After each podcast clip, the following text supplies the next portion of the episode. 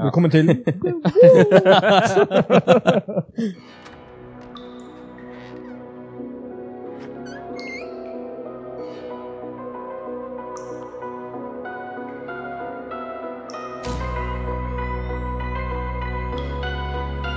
Ja, ja, ja. Da er vi tilbake med The Vault. Mitt navn er Håvard, og med meg har jeg Stefan. Hallo. I dag så skal vi snakke med Fredrik Rustøen. Han er mykolog og lærer. Velkommen til oss. Hei, hei. Fortell oss litt uh, hva en mykolog driver med. Jo, en uh, mykolog det er en person som prøver å finne ut så mye som mulig om sopp. I ordet seg selv så er jo myko er sopp, og logi er læren om. Så du har læren om sopp. Og da har vi jo ganske mange folk da, som prøver å finne ut alt de kan om sopp, på ulike nivåer. Så for eksempel jeg prøver å finne ut på et ganske stort nivå, eh, se på flere arter samtidig, hvordan disse artene eh, reagerer til endringer i temperatur, endringer i nedbør, og pH i jorda og i trærne. Og så har du de som ser på et litt, eh, litt mer fordypet nivå. Da. De ser på enkeltarter, de ser på DNA, de ser på cellestrukturer, og om disse her har en nytteverdi i form av enten giftstoffer eller i legemiddelindustrien. Da. Så det er litt av hvert uh, vi prøver å finne ut av.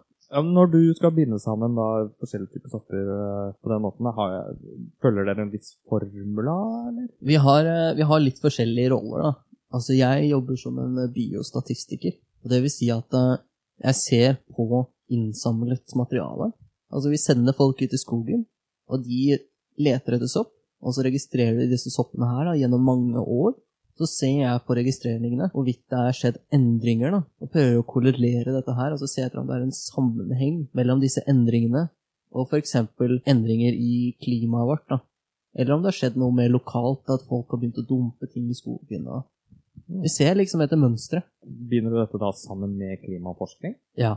Altså dette her er egentlig en form for klimaforskning. Så vi prøver da, altså når vi kobler inn, så fort vi kobler inn temperatur og nedbør og litt sånne ting som er koblet direkte til klimaendringene, så kaller vi også dette her for klimaforskning. Og Ja. biostatistikere har en veldig stor rolle innenfor dette her. Det er jo veldig i vinden. Man har snakket om det i kanskje 40 år, men vi føler at dette er eh, dagsaktuelt. Ja, ikke sant? Altså det er fint å kunne prøve å bringe fram litt sånn kunnskap selv om det er med sopp. Eh, Fordi det blir fort oversett eh, av eh, søte små isbjørner og, Ja. og kattedyr i ørkenen. Ja, sånne ting. ja hvor ble det av Nordpolen? Ja, for du er jo også en uh, urbexer.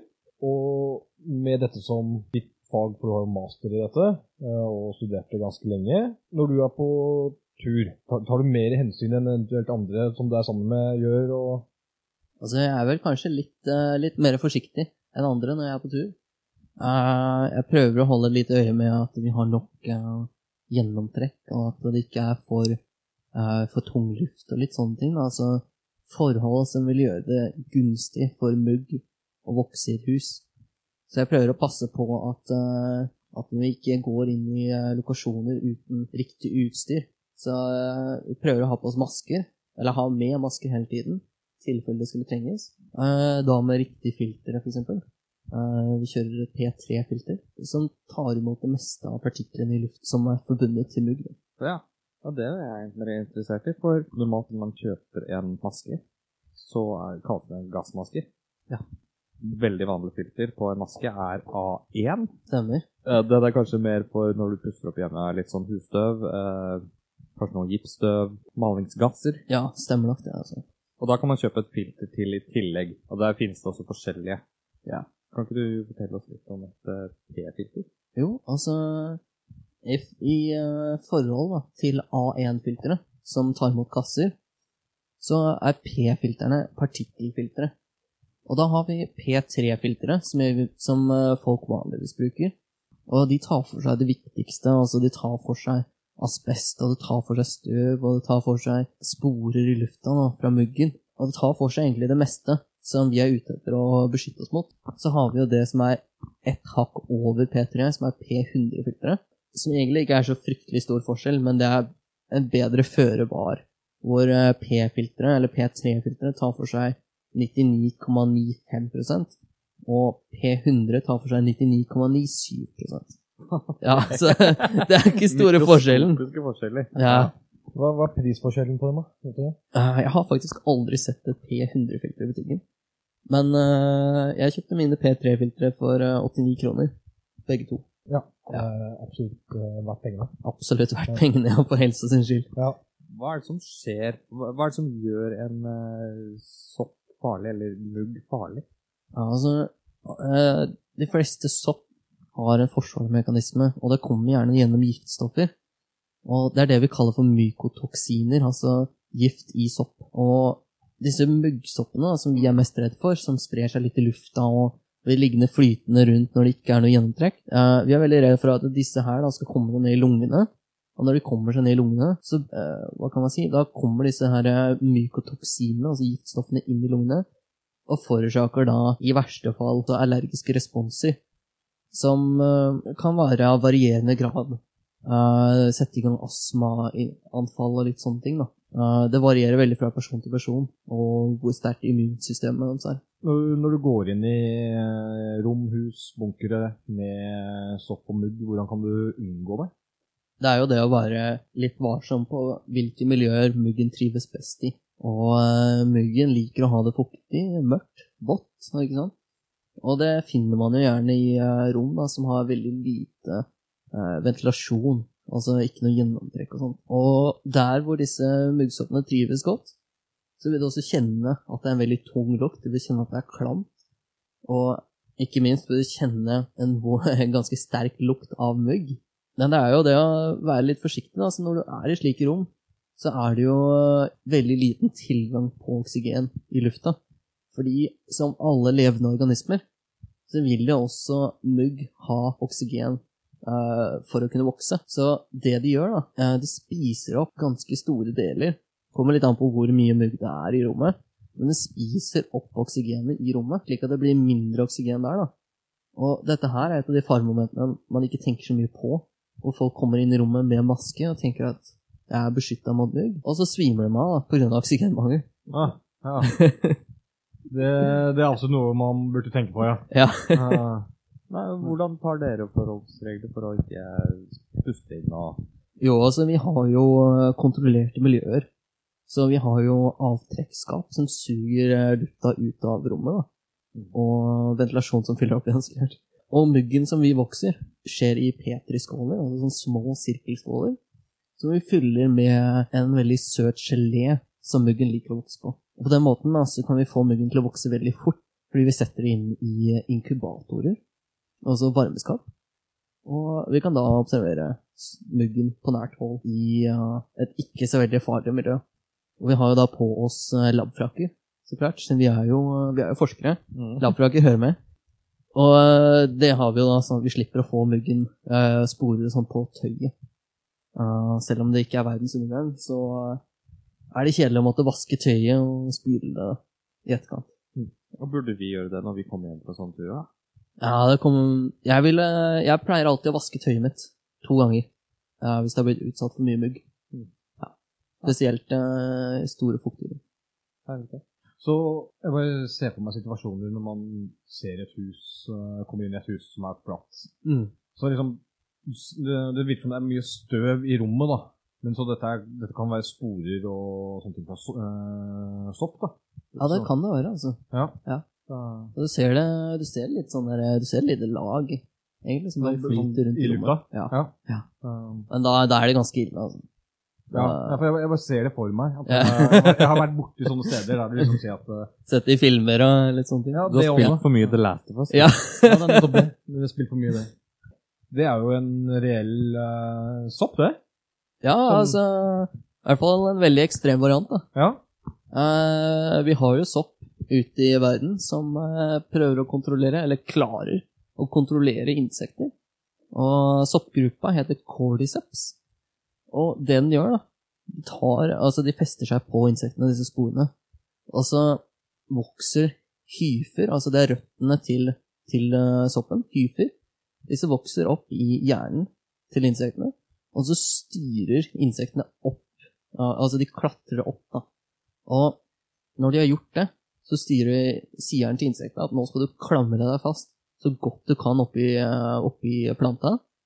enten ved å bite seg fast eller bare holde seg fast, og så dør insektet mens den har klamret seg fast. Og dette tillater da disse soppene å gro sånne små stilker ut av insektene. Så det ser ut som det vokser egentlig en liten skog fra de insektene. Og så slipper den ut nye sporer da, fra en høyde, sånn at disse sporene kan spre seg enda lengre og nå til enda flere dyr, altså enda flere insekter. Og da kan du repetere den prosessen her om igjen og om igjen. Men det vil det vel ingen ende ta? Nei, ikke sant? Altså, det er derfor den eh, soppen klarer seg så bra. Den klarer å kontrollere disse insektene og klarer å spre seg på en riktig måte. Og Hvordan har det da ikke tatt over verden? Ikke sant? Har kanskje tatt over insektverden nesten. da. Men den, den, den kan ha en effekt på mennesker òg. Ja, altså, det sies at uh, Jeg har lest at uh, det har vært uh, situasjoner hvor mennesker har blitt påvirket av cordyceps. Jeg vet ikke hvilken art det er, men det sies at disse menneskene da, blir mer utadvendte og mer sosiale. Og jeg tror dette her kan ha med at instinktet til soppen er jo det at den vil spre seg så mye som mulig. Og ved at du blir mer sosial, så vil jo du menge deg med flere mennesker. Gi meg litt av den, da. Ja, ikke sant? Så hadde vi gitt det til Oslo, så hadde det blitt en veldig sosial by. Strødd i Maridalsvannet. Ja. ja. ikke så, det er kanskje ikke så dumt. Nei, det er hyggelig terrorisme. Ja, ikke sant? Hygg, hyggelig bioterrorisme.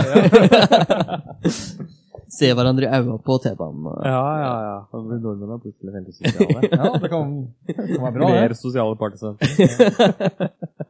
uh, Nordmenn og disse, den team-etter-sirkelen, altså, ikke kom innafor. Altså. ja, ja, ja. Uh, altså, The Last of Us er et uh, TV-spill. Ja. Bare så det er nevnt. Så de som datt av der, de, uh, Ja, de har gått glipp av noe. Det må du gjerne spille. Det er veldig spennende. det veldig bra spill. Men det er nok eh, tema i mange filmer også. Noen apokalyptiske zombiefilmer. Det er vel noe sånt. Ja, sporer. Ja. Sopper som tar over mennesker. Ja. ja. Vi har jo tatt med oss et par bilder som vi håpet vi kunne ta en titt på. Disse bildene kommer vi også til å legge ut på hjemmesiden vår og på Facebook. Så vi kan nummerere de, og Ja. så kan vi ta beskrive det litt i detalj. Mm. Så hvis dere ønsker, så kan dere gå inn og se på bildene. Dette er også da bilder vi har tatt mens vi har vært på tur. Alright, vi starter med bilde nummer én. Det er jo bilde av en grønn stol. Ja. Uh, som uh, satt og koste seg litt, uh, ser det ut som. Ja. Jeg ville jo ikke Jeg ville ikke stolt på den, for å si det sånn. Nei. Nei, den Det er åpenbart at noe har skjedd her. Rommet er kanskje fuktig. Sannsynligvis ganske fuktig. Og eh, den stolen har vært et samlingspunkt for fukten. Altså, det er jo tøy. Tøy suger til seg vann. Og den soppen eh, her, den eh, elsker den muligheten. Å få vann servert på et nesten, Altså. Den her har virkelig tatt over den stolen. Det er jo ikke lenge før dette her er en hvit stol. Uh, er den soppen farlig? Uh, jeg ville ikke Jeg ville absolutt ikke gått og bitt på soppen. Eller sleika på den. Jeg tror eh, Det er nok ikke den verste soppen du kan komme over. Det vet jeg ikke, men eh, For meg så er den ganske vanlig. Ja, ikke Sagt sant? at du har glemt noe eh, klær, og det ligger og råtner. så får du en sånn hvit sopp. Og da slenger du bare ekstra gang inn i vaskemaskinen, ikke sant? Så er det god som ny. Eh, ok, men da er ikke det så farlig, men unngå den. Unngå Ikke, ikke drive og snitt på noe sånt. Nei, ok. Nei. Ok, Vi hopper over til eh, bilde nummer to. Eh, bilde nummer to. Yes. Eh, bilde av eh, ja, en svart liten flekk på en tapet. Eh, det vi ser her, er jo også en fin uh, muggsopp. I forskjell da, til den forrige, så ser det ut som den her er ganske moden. Og så ser du at det er mye pjusk, det er mye hår på denne muggsoppen. Og det vil si at denne muggsoppen her, den er klar til å spre sporer, om den ikke allerede har gjort det. Og du kan se også at disse her spredningsorganene hjelper jo veldig godt med å samle fukt. Som du kan se, det er eh, dråper på eh, pelsen, for å si det sånn. Altså, dråper i pyskene. Så det er en fin måte for muggsoppene å få enda litt mer fuktighet. Men den her er rett og slett bare klar til å sende ut sporene sine. Men den her er svart i forhold til den neste som har hvit. Stemmer. Er det liksom Er det bare at den er moden og klar til å Ja, altså, det er jo mange forskjellige arter. Noen er eh, sorte, noen er hvite. Noen er grønne og litt forskjellig. Det er vel ikke noen fellesregel akkurat for hvem som er farligst. Men jeg har lest at uh, sort mugg på mat, i hvert fall, er ganske farlig. Det er sånt du ikke har lyst til å få i deg. Uh, da giftstoffene, altså mykotoksinene i den muggen, kan forårsake kreft i uh, bl.a. mage, lunge og hjerte. Ja, for det er det du hører om folk som blir utsatt for svart Ja, ikke sant, i- altså. over lengre tid. Ja, de som har kjempedårlig. dårlig lagra poteter og korn og sånt, ikke sant, får sånn sort mugg på seg. Mm. Det er jo ikke bra i det hele tatt. Så når brød har litt grønt mugg, så kan du spise det. Burde ikke, men Altså, det er jo ikke verdens eh, Altså, grønt mugg på brød og sånt, det er ikke verdens undergang.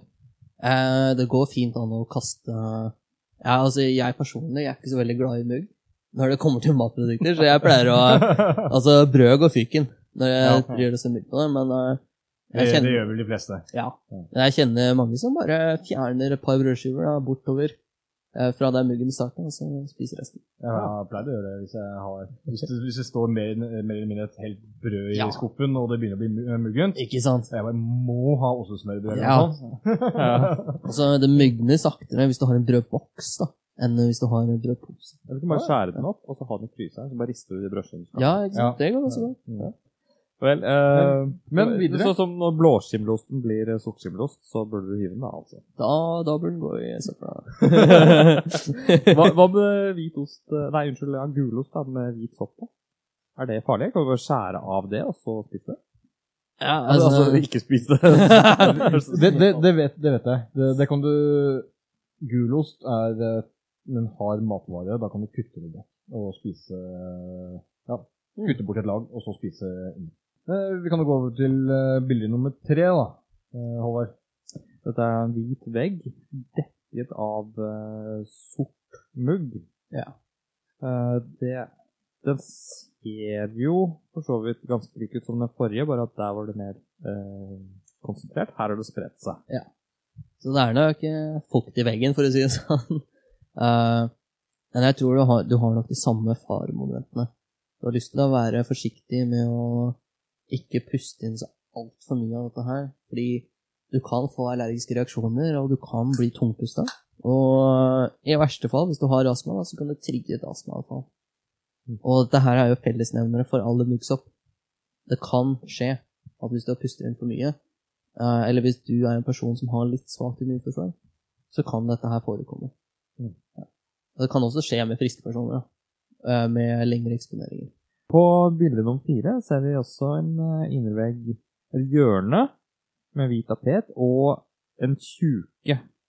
Og dette her er langt inni et bygg. Hvorfor, um, hvorfor finner vi dette her inne? Jo, altså, her har det oppstått, da. Det, er, det har vært eh, forhold som har tillatt en eh, tjuke å vokse. Og en tjuke i forhold til muggen Muggen prøver å spre seg så mye som mulig i fuktige miljøer. Tjuken er ikke så avhengig av dette fuktige miljøet, men tjuken trenger da uh, ved, altså vedprodukter, å bryte ned. Så ute i skogen så vil vi finne tjuker på trær, og vi vil finne tjuker på død ved. Altså Når de står på trærne, så er det jo også død ved på treet.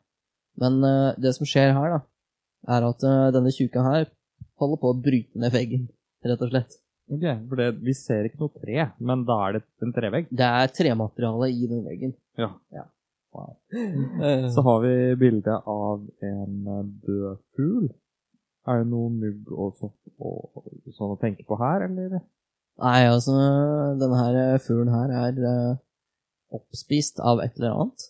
Uh, I hvert fall helt brutt ned. Og den muggsoppen har ikke noe å feste seg til. Eh, så det jeg ville vært mest redd for her, er kanskje bakterier i forbindelse med fuglefjæra, eller eh, også faktisk fugleskjelettet som ligger der. Da. Mm. Så jeg ville, ville vært forsiktig med det å ikke ta på døde dyr. Men det er ikke noe sånn sopp og spor? Liksom. Nei, nei, jeg tror ikke du ville hatt noe, hatt noe problem med det. Nei. Andre ting man må tenke på i stedet. Ja, andre ting der. Sunn fornuft. Ja. uh, har du noe annen informasjon om sopp i skogen og sånn, som kunne vært litt gøy å lære om i dag? ja, altså fact. Ja. Nei, ute i skogen så har vi jo eh, Det er jo ganske mye å passe på for, egentlig. Selv om, de, selv om de står stille, så er det mye giftig sopp i skogen. Og vi kjenner vel kanskje best til eh, rød fluesopp, som eh, Det ser vi. Ja. Rød med hvite prikker. Av og til har den ikke de hvite prikkene. De kan vaskes vekk. Sier du det, ja? Ja, ja. Er det sopp som vokser på soppen? Nei, altså det er noen rester av at den eh, fra da han var liten. Så den hadde et lite sånn røytskall, et lite slør over seg. Og når den vokser opp, da, så splitter det sløret seg. Så er det sånne små hvite rester av det sløret. Ja, så det er bare prikkene er bare Ja, ja. Men det er jo også, også en annen eh, morsom ting med fluesoppen, er jo det at eh, vikingene brukte fluesopp til eh, Du har kanskje hørt om uh, eh, berserker rage? Altså berserk, rett og slett. Ja, det at liksom de spiste fluesoppen rett før de gikk ut i kamp. Ja. Eh, det var jo ikke alle som gjorde dette her, fordi fluesopp har hatt eh, veldig forskjellige roller i ulike samfunn. Og eh, når du konsumerer fluesoppen, da, så har det jo forskjellig effekt på ulike personer. Så noen, det, noen vil bli fryktelig sinte. Altså noen vil bli liksom ustoppelig sinte. Og det kommer, det kommer av eh, Der kommer vi tilbake til vikingene. De som ble det, de tok fluesoppen, sannsynligvis. Og så har du jo andre som eh, får litt andre følelser av fluesoppen når de spiser den. De kan bli litt sånn litt slappe og litt sånn uh, numne, rett og slett. Og for eksempel samene brukte dette her som uh, til ritualer og litt slike ting. Så det er jo mange hypoteser, altså ubekreftede påstander på hvordan fluesoppen påvirker mennesker. Men dette her er noen av de bekreftede situasjonene hvor fluesopp har blitt brukt. Men eh, når du er ute på tur, så er du jo ofte alene. Stemmer. Eh, noe som jeg og Håvard har eh, snakket om eh, tidligere, at det skal man ikke. Eh, ja, vi sier ikke det direkte, men eh, det er jo ikke anbefalt. Hvis noe skulle skje, så er man, får man raskere hjelp hvis man drar sammen med noen. Man gjør det. Mm.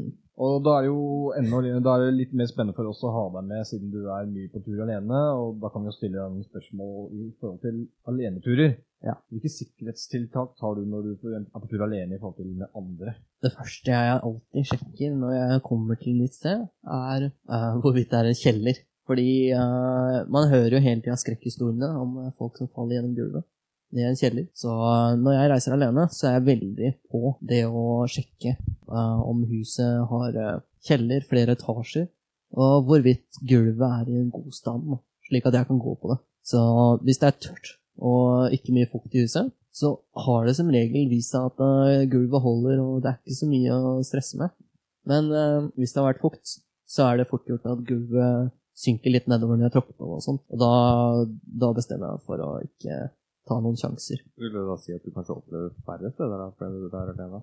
At du snur i døra? Ah, Ikke at vi tar sjanser heller, for så vidt.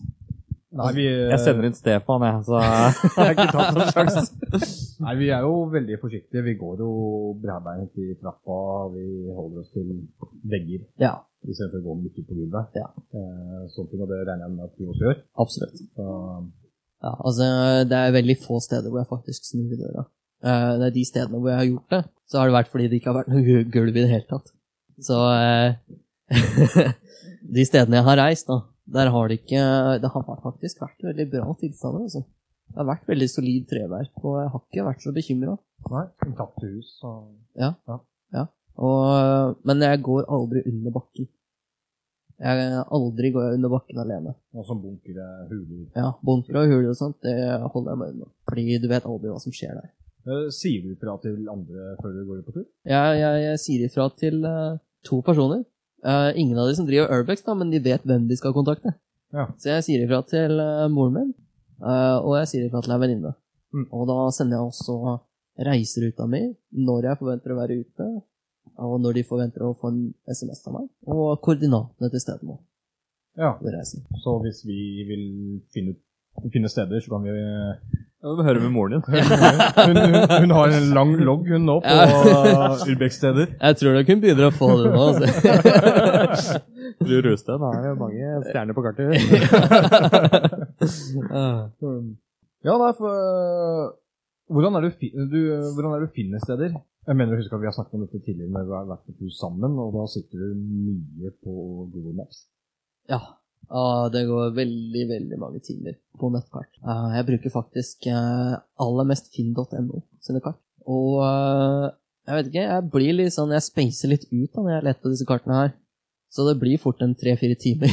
Jeg sitter på disse kartene med musikk i bakgrunnen og et eller annet å snakke på. Og, eh, og så dukker det opp et par steder. Da. Altså, det er veldig fort gjort at når man finner et sted, så har man gjerne funnet et område hvor det også er flere forlatte hus. Og jeg snakker av erfaring der, men eh, Ja, du har jo sikkert gjort dette x antall timer, så ja. du vet hva du skal se etter. Ja, altså jeg pleier å holde meg til eh, gårdsområder, altså mange åkre og jorder og sånt, fordi Finn.no er veldig flink på å markere tomter og oppkjørsler. Ja, det er sant. Ja. Så når det ikke er noe innkjørsel, og det er et hus midt på et jorde, så sier det seg selv. Ja. Det er noe med det huset. Går rett over på et satellittbilde, og så ser Ja. at det er tettbebygd og mange andre indikasjoner på at det er flatt. Ja, så da jeg kjenner meg litt igjen i det. Ja. Godt tips. Ja. for dere som ønsker å prøve å finne nye steder. Så. Ja. Jeg bruker jo også mye Google nå. Når jeg ser eh, folk har vært på steder, så ser jeg eh, at det er et ord her og et ord der. Kanskje noen sier at eh, dette her er et kraftverk som ble åpna i, i 1889 eller noe sånt. da. Så er det jo ganske rett fram å bare google 'kraftverk 1889', og så dukker det opp masse alternativer. Ja. Det er sånn jeg også har funnet mange steder. De prøver jo å være flinke til å skrive ja, Ja, i koder, men de kodene er veldig lette å ja ikke sant? Altså, det, det er en av mange måter å få tak i stedet på. Altså. Absolutt. Og da slipper man også å plage dem med å spørre hvor det er dette. Ja, ikke sant? Ja. Det er så fort gjort å spørre hvor det er, men det er så vanskelig å få et svar på det. Ja. Så det er bedre å gjøre litt, litt leting. Gi litt mer òg når du har lett. Og så er Ja. det er litt belønningen at du kan dra til et sted. Mm. At du, har- du har brukt så mye tid på det at du blir sånn Ja. eh, Du får en noe høyhetsfølelse, da, eller hva skal man si. Ja, eh, Du får et kick av å jeg kan absolutt kjenne meg igjen i det du sier her. Uh, I hvert fall når vi startet uh, veldig aktivt med det, så alle de 15-20 første stedene vi var, var steder funnet på den måten. Det ga en mye mer spenningsfølelse og stolthet av å finne et sted enn nå, der man Nå kjenner vi noen litt flere mennesker, og de Ja. sier liksom Å, sjekk ut dette. Det er Helt det samme. Nei. Det er, altså, det er spennende og interessant og morsomt for, for all del, men det var liksom noe det å bare stjele stedene til andre på en måte, med å liksom Ja. finne fram stedene selv. Ja, nedlagt fabrikk 1989 Ikke sant? ja, Ja. på den måten. Jeg husker jeg begynte jo eh, min uh, Urbex med et sted i nærheten av hytta mi, der jeg vokste opp. Der var det et par forlatte hus. Jeg bestemte meg en dag for at eh, nå skal jeg skrive på Frikkforum, at jeg vil ha noen å reise med. Da møtte jeg to uh, og reiste bort dit sammen, og de, eh, de var greie nok da, til å begynne å dele stedet med meg. De hadde tatt dem med på tur. Ja. Så det er også en fin måte å gjøre det på. Så etter denne ene turen, så det bare fortsatte. Det Stemmer. bare bygde på seg. Ja, altså Jeg husker eh, jeg ble medlem av eh, Urban Exploration Norway-gruppa på Facebook. Fordi um, jeg hadde jo lyst til å fortsette litt med dette her. Det er ganske lenge siden jeg ble medlem. da. Jeg tror det var syv år siden. Oh, så lenge, da. Ja, så lenge. En av de første, kanskje? Ja, ganske tidlig i hvert fall. Ja. Og så husker jeg at det var en person som eh, var hyggelig nok da, til å dele lokasjon med flere små hytter. Så jeg reiste ut og begynte å Jeg hadde fått meg speilreflekskamera eh, til bursdagsgave. Og da reiste jeg ut og skulle ta litt bilder og bli litt proff. Og jeg, jeg var veldig fornøyd med bildene sånn eh, der og da. Og jeg syns det var eh, Det ga veldig mersmak, da. Og ikke bare oppleve steder, men ha muligheten til å dele stedene. Så jeg reiste ut, besøkte disse hyttene, tok bilder, delte bildene. Fikk litt feedback og sånn. Det motiverte meg litt da, til å dra videre, finne nye steder og gjøre mye research. Jeg gikk inn på Frikforum og gravde litt i uh, trådene der. Fant nye steder, endte opp i et nedbrent eh, hotell eh, i Oslo og tok bilder der. Etter at jeg hadde tatt en del bilder og besøkt noen steder, så begynte folk å ta litt kontakt. Og det var sånn jeg begynte å bli kjent med, med kara i Oslo Underground. Med Torbjørn og Vidar og mystiske Torillo. Nei, så siden så har jeg bare egentlig reist ut spontant. Ja. Og finne steder. Da kjører du rundt på en liten Vespa? det er eh, karakterisert som en lett motorsykkel, men eh, anerkjent som en moped nå. Da vi var på tur der, så hadde du punktert. Men du fortsatte likevel å kjøre. Det syns jeg var ganske Ja. Jeg vet ikke om det var uansvarlig eller tøft, men det var et sted midt imellom. Jeg, jeg tror det hadde det noe med jeg litt. Det ligger på motorveien. Ja. Ja, det har noe med at jeg ikke merka at jeg hadde punktert. Jeg skulle ikke tenkt tilbake på. Du kjørte jo hjem etter at du fant ut på det. Ja, ja, ja, vi fikk jo fylt opp litt. Ja. Ja, så det var bra. ja. Du har med deg telt og Eh, Jeg prøver å få til et par overnattingsturer eh, hver sommer, hvor jeg eh, strapper opp et, et helt og sovepose og ryggelag på motorsykkelen og kjører av gårde. Og eh, nå i sommer så bestemte jeg meg for å tøye grensene litt. Så jeg hadde kjørt opp til eh, en gård, eh, forlatt gård, og jeg satte opp telt eh, med utsikt til huset og greier. Og huset hadde definitivt utsikt til meg. Eh, um, utover kvelden eh, Altså, du hører mye rare lyder. Når du, når du reiser alene, så får du litt mer sånn derre fantasi, og du blir litt sånn der, mer paranoid. Men jeg begynte å høre litt sånne der dunkelyder og sånt i huset, og eh, klokka nærma seg vel eh, elleve. Det var jo sommeren, så det er ikke så fryktelig mørkt, men det er mørkt nok. Og eh, jeg bestemte meg da bare for moro skyld liksom å gå inn i huset, se hva det var. Eh, Det hørtes jo ut som det var et vindu som sto og slo. Jeg gikk ut av teltet og tok meg en lommelykt gikk inn i huset. Det var veldig mye sånn kratt og sånt utenfor dette huset, så jeg og sleit meg litt fram og bråkte veldig fælt. Men eh, jeg hørte den dunkinga eh, bli ganske gradvis høyere etter hvert som jeg kom, og skjønte fort at eh, dunkinga kom fra loftet. Og eh, jeg gikk opp trappa, hørte dunkinga enda litt høyere, og eh, dro ned, eh, dro ned den der eh, stigen opp til loftet. Det var ikke en trapp opp til loftet, dessverre. Det var en stige. Eh, tok lykta i eh, kjeften og klatra opp. Og eh, på toppen av trappa. Og der sto det en eh, dukke. og skremte livskiten ut av meg, i hvert fall. Uh, ja, det tok litt tid da før jeg kom meg opp igjen. Dytta til side den dukka og fikk lukka vinduet ordentlig.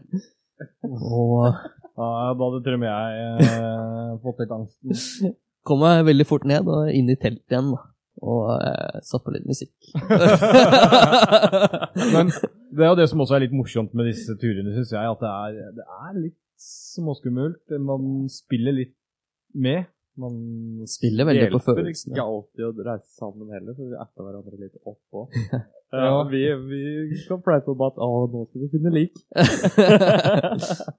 Ja, da, vi- om uh... Og vi har jo hatt en morsom uh, Vi var på et gamlehjem, uh, og jeg og Håvard vi tuller mye med hver gang vi ser en fryser, så bare Her er det lik.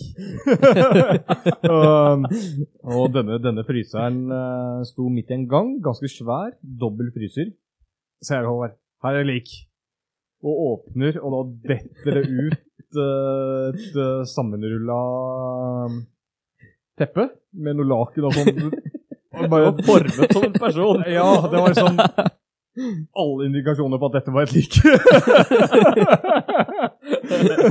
Utrolig bra prank. Vi gikk rett på. ja, vi gikk på vår egen prank. Så, Ja, det var en stående fryser. Det var en stående. Ja. Så den har nok bare stått lent inntil døra. eh, Ja. Ja. Bare datt den ut. Det er rart det der, når du reiser sammen, så er det sånn Tenk om vi finner et lik. Og når jeg reiser alene, så er det sånn Jeg håper jeg ikke finner et lik. Det er noen måte å se bildene dine på. Jeg ser du har delt en del på Urban Exploring Norway-forumet. Stemmer. Uh, jeg har også en Instagram-bruker. Urbex-nord. Og du finner meg under samme navn på Flikker. Legger ut bilder sånn så ofte jeg er på tur. De som er interessert i Rurex, kan gjerne ta kontakt. Jeg deler ikke ut lokasjoner, men jeg kan gi tips. Og bare ha en uh, vennlig samtale er fint. Ja. Og så er det jo å treffe her på festen. Ja. eller ja, Jeg, jeg, jeg er på så å si alle sammenkomster på Oslo Underground. Ja, da, takk for at du kunne komme. Jo, takk for at jeg fikk komme. Dele din viten med oss. Det her var lærerikt. Jeg har lært masse i dag. Du hører sånn på ut. Hei så lenge. Hei.